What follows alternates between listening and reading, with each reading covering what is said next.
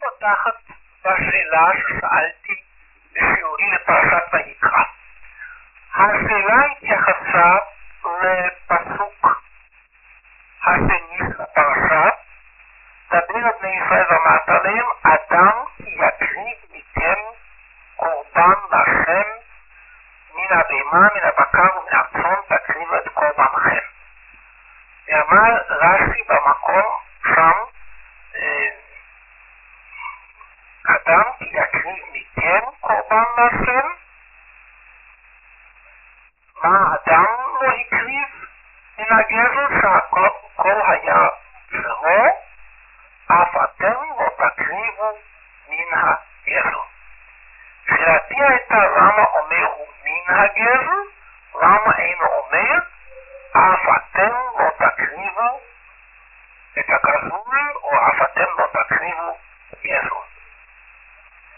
התשובות שנתקבלו היו הפעם מקוונות. קודם כל, הוציא מכבר התשובות את כל אלה שהסבירו, אם באריכות, אם בקיצור, אה, את הטעם של איסור זה. למה אסור להקריב מן הגזל? להראות את כל הפסול שבדבר, את כל הכיעור שבדבר, את כל התועבה שבדבר. כמובן הכל נכון, אבל איננו עונה בשום פנים לשאלה ששאלתי.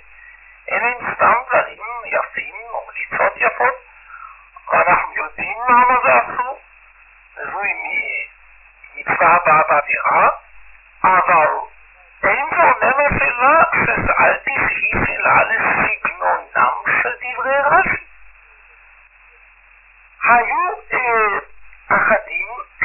כגון החברים משדה יעקב, אהרון קליין, אברהם פרידמן ורפאל, שאמרו שרש"י בחר בסגנון הזה מן הגזל כדי שדבריו יהיו מתאימים, הונים את הפסוק מן הבקר ומן הצאן תקריב את קורבנכם. בזה משהו, אה, יותר נראה לי, אם כבר נאמר שזה מתאים לדברי הכתוב, הרי יותר נראה מה שכתב מר משה יעבור מכנרת, וגם הרב תבורי משדה יעקב, שאז יותר נכון היה לומר כדי שזה יגדיל המילה מכם, יקריב מכם ולא מן הגזל. מהרציבק מקבוצת גש אף הוא באחת משתי תשובותיו הסתמך על הכתוב, ואומר מכיוון שרש"י מביא שם אה, אה, את הפסוק מישעיהו שונא אה, גזל בעוולה, לכן התאים את דבריו לפסוק, אבל זה לא נכון, כי אז היה רש"י צריך לומר, אף אתם אל תקריבו גזל, והוא אומר, מן הגזל.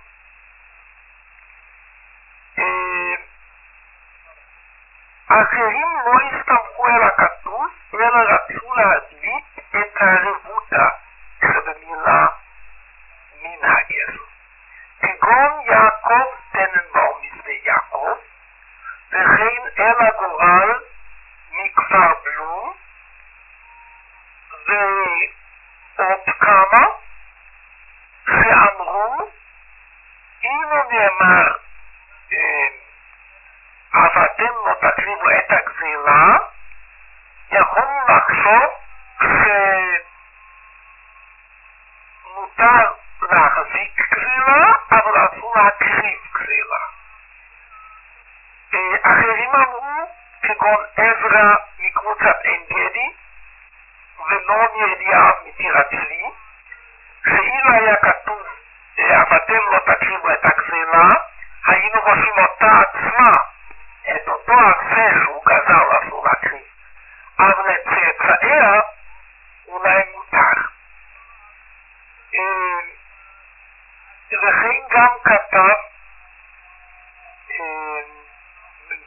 בדומה לזה כתב מר ציבק מקבוצת גש, שאם היה כתוב אתם אל תקריבו את הגזול, היה אפשר לחשוב מה שהוא עצמו גזל אסור. אבל אם אחר גזל בשבילו, הרי מותר. לכן נאמר מן הגזל. מעניינת מאוד הייתה התשובה של מר חיים ברום מתל יצחק, שכתב כי המדובר כאן קורבן עולה שאין לבעלים הנאה ממנו. ולא יגזור אדם בהמה להביאה עולה, כי זאת תהיה מצווה הבאה באווירה. רק הכוונה היא לא שכל הבהמה תהיה גזולה, רק חלק ממנה. למשל, בעל העדר שולח את עדרו למרעה בשדה אחר. זאת גזילה שהבהמה נהנתה ממנו. ואם כן, בהמה כזאת שרואה במרעה גזול, כלומר שגדלה על שניתן לך מן הגזילה, אז תהיה אסורה. לפיכך נאמר מן הגזל. דבר שלא עלה דעתי, אני צריך לומר. רבים כתבו תשובה דומה, זה היה מר אבא צמח פתח תקווה,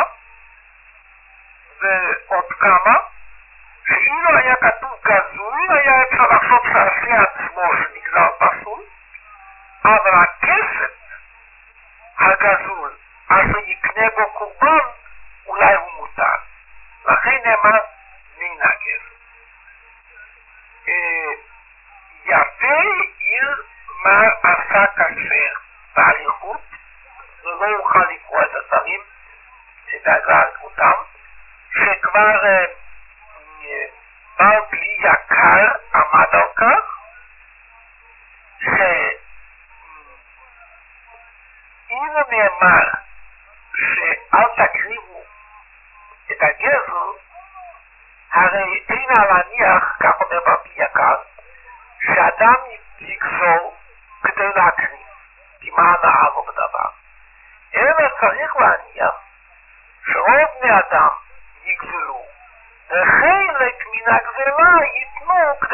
לכפר על הגזלה. זאת אומרת, הם יגזלו הרבה, ומעט מן הרבה הזה יקריבו לאיזו, לגבוה. ובזה יחשבו לכפר על גזלתם. ולכן נאמר, לא תקריבו מן הגזל. כי אין צורך לומר תקריבו את הגזול, הרי זה בין כך לא יעשה אדם. שיגזול ואת כל מעט האחוזים הגזולים הוא יקריב. לכן נאמר מן הגזל. זוהי תשובת כלי יקר. אני עוברת עתה לדברי חכמים בענייני דיומא, מפסוקים הנאמרים בליל הפסח בסדר. ארבע פעמים מוזכר בתורה הצו ללמד את הבנים ולהדריכם בדרך התורה. בכל ארבעת הפסוקים יש להם נגיעה ישירה או קרבה לענייני פסח. שלושה מן הפסוקים כתובים בפרשת בו, ואחד בפרשת בית חנה. בפרשת בו נאמר, והיה כי יאמרו עליכם בניכם מה העבודה הזאת לכם, ואמרתם זבח פסח הוא להשם אשר פסח על בתי בני ישראל במצרים, ונוקפו את מצרים ואת בתינו יוציא. ושוב נאמר בפרשת בו, והגדת לבנך ביום ההוא לאמור, בעבור זה עשה השני בצאתי ממצרים. ושוב נאמר בפרשת בו, והיה כי ישאלך בנך מחר לאמור מה זאת, ואמרת אליו, בכל בקיעת הוציאנו השם ממצרים מבית עבדים. ועוד פעם נאמר בפרשת ואת חנן בחומש דברים, כי ישאלך בנך מחר לאמור מה העדות והחוקים והמשפטים אשר ציווה השם אלינו אתכם, ואמרת לבנך עבדים היו לפרעה במצרים וכו'. חכמים עמדו על טעמה של חזרה מרובה זו. כל הוראה וכל אמירה אגדה אינה נאמרת לחלל ריק, אלא לעולם הוראה היא למישהו, והאגדה היא לשומע. דבר זה יש ללמוד כבר מן הקדוש ברוך הוא, שנאמר עליו, משה ידבר ואלוהים יעננו בקול, את מתן תורה, ובמדרש תנחומה נאמר על פסוק זה, בואו ראה היכ היה כל יוצאי עצם ישראל. כל אחד ואחד לפי כוחו. הזקנים היו שומעים את הקול לפי כוחם, והבחורים לפי כוחם, והנערים לפי כוחם, והקטנים לפי כוחם, והיונקים לפי כוחם. ואף משה לפי כוחו. שנאמר משה ידבר, ואלוהים יעננו בקול. בקול שהיה יכול משה לסבול. וכן נאמר כל השם בכוח, בכוחו לא נאמר, אלא בכוח, שכל אחד ואחד יכול לסבול. אה, צריך לשים לב לכך שהמדרש הזה דורש דקות לשונית. צריך בעצם לומר, כמו אצל אברי הגוף בעברית, תמיד כינוי. אין לומר בעברית הוא הולך ברגליים, אלא ברגליו. אין לומר הוא חס בראש, אלא בראשו. אין לומר תן לי את היד, אלא תן לי את ידך. ולכן היה צריך לומר כאן כל השם בכוחו. ודרש המדרש שנאמר בכוח, היינו בכוח שכל אחד יכול לסבול. וכאן ביחס לארבעת הפסוקים האלה שקראתי, מלמדת אותנו המשנה לפי דעתו של בין האדיב מלמדו. סמך אותם ארבעה פסוקים בנויה אותה ברייתא שבתחילתא שאנו מכירים אותה מליל הסדר. והיה כי ישלך ועמך, נמצאת אומר ארבעה בנים הם, אחד חכם, אחד רשע, אחד תם ואחד שאינו יודע לשאול. חכם מה הוא אומר? מה העדות והחוקים והמשפטים אשר ציווה השם אלינו אתכם? אתה פתח לו בהלכות הפסח אם מפטירין אחר הפסח אפיקומן. רשע מה הוא אומר? מה העבודה הזאת לכם? לכם ולא לו. ולפי שהוציא את עצמו מן הכלל וכפר בעיקר, אף אתה הטה את שיניו ואמור לו, ועבור זה עשה השם לי בצאתי ממצרים. לי ולא לך, אילו היית שם, לא היית נקער. תם מה הוא אומר? מה זאת? ואמרת אליו, בחוזק יד הוציאנו השם ממצרים מבית הבנים. ושאינו יודע לשאול, אל תפתח לו, שנאמר והקדת לבנך ביום ההוא לאמור, ועבור זה עשה השם לי בצאתי ממצרים. כפי שאנו רואים כאן לא הביאה הברייתא את הפסוקים לפי סדרם במקרא, כלומר, קודם הפסוקים בפרשת בו, ובסוף את הפסוק בפרשת ואת חנן, אלא לפי מעלתם האינטלקטואלית של הבנים. וכן גם מיישב אבודרהם את הסדר בברייתא.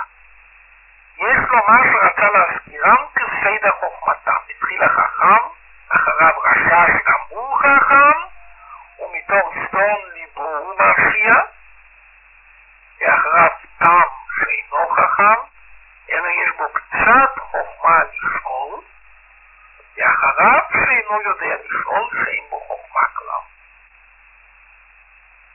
והנה רואים אנו שאותם ארבעה בנים הידועים לנו מן ההגדה, אין הם כתובים במפורש בתורה. התורה אינה מדברת לא על חכם ולא על רשע ולא על תם ולא על שאינו יודע לשאול. אלא מתוך הניסוח השונה של הפסוקים, הן בדרך השאלה הנשאלת, הן בדרך התשובה הניתנת, למדו חכמים שהתורה מתכוונת לארבעה סוגי בנים. הרשע שאלתו והתשובה הניתנת לו בברייתא מעוררות תמיכות. נסתכל עוד פעם בשאלתה, מה הוא אומר? כלומר, מהו הפסוק שמייחסים אותו לרשע? נאמר בתורה, מה העבודה הזאת לכם? זהו שמות י"ב כ"ו והיה כי יאמרו עליכם בניכם, מה העבודה הזאת לכם? לכאורה, למה מייחסים פסוק זה דווקא לרשע? מה הפגם בנוסח זה? ואם תאמר המילה לכם היא פוגמת, הלא מצינו ביהושע שישאלו מה הבנים, מה הבנים האלה לכם? וביחזקאל שואלים הלא תגיד לנו מה אלה לך? וגדולה מזו, הן אפילו בין אותו פסוק שמייחסים אותו לבן החכם, הלא גם בו נאמר שציווה השם אלוהינו אתכם. ולא העלה הפסוק את חמת הדרשם. שאלה זו עתיקה היא לרבות התשובות. יש אומרים הבדל גדול בין דברי החכם לרשע. והבדל זה הוא המחפה על הכל. החכם מזכיר שם שמיים. אומרו אשר ציווה השם אלוהינו אתכם.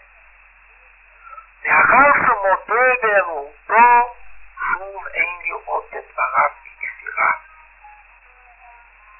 גדולה מזו. עם כל תחילתו על טעמם של עדויות, משפטים וחוקים, לא ישכח לומר את העיקר. אשר ציווה השם אלוהינו אתכם. רואה בכל אלה ציוויים. אם כן הוא מכיר בחיוב שבדברים. אין לו שואל על עצם החיוב, אלא שואל הוא לטעמם של דברים, ולפרטים ולפרטי פרטים. מה שאין כרשע, שאיננו אומר אשר ציווה, אלא רואה את העבודה ואין רואה מאחריה את נותן העבודה. בכל עצמו של החטא לא בא לעולם אלא על ידי כך שלא ראה האדם את דברי השם כי מחייבים אותו כצד שיש למלא אחריו. ונראה דבר זה כבר בדברי חווה. כאשר נתן השם את הצו לאדם לא לאכול מפרי עץ הדת, אמר לו, נאמר בכתוב, ויצב השם אלוהים. ואילו חווה כשהיא חוזרת על הדברים, אומרת היא, העץ הזה בתוך הגן, אמר אלוהים, לא תאכלו ממנו. הצו נהפך כבר לאמירה בלתי מחייבת. ועוד, וזה אולי העיקר, בפסוק המיוחס לחכם נאמר במפורש, נאמר כי ישאלך דמך מחם. ואילו בדברי הרשע נאמר, והיה כי יאמרו עליכם בניכם. הבן החכם הוא זה השואל. כל זמן שהוא שואל ותהיה השאלה חריפה ונוקבת וביקורתית, עדיין שאלה היא, אדם מבקש תשובה עליה, הרי תורה היא. ואולם הרשע אינו בא בשאלה, הוא אומר, כי אינו רוצה כבר לשמוע את התשובה. ולכן ייחסו את הפסוק הזה, היה יאמרו עליכם בניכם מה העבודה הזאת לכם, לא לבן הרוצה לדעת, אלא לבן הרשע שאינו רוצה לשמוע.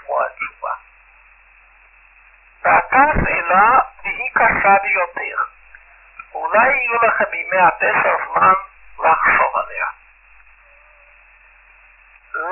התורה ניתנת לשאלתו, מה העבודה הזאת לכם, המיוחסת לרשע, תשובה אחרת מזו שניתנת בברייתא. שם נאמר, ואמרתם זבח פסח הוא להשם אשר פסח על בתי בני ישראל. שנות י"ב כ"ז.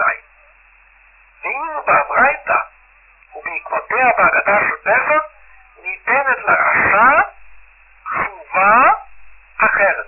זו שכתובה את שינו יודע אלישו. בעבור זה עשה השם לי בצאתי ממצרים. מה ראו חכמים לשנות בתשובה ולא לתת לשאלת הרשע את אותה התשובה הכתובה בתורה על ידה. לקרוא את הפסוק י"ב כ"ז, אלא את הפסוק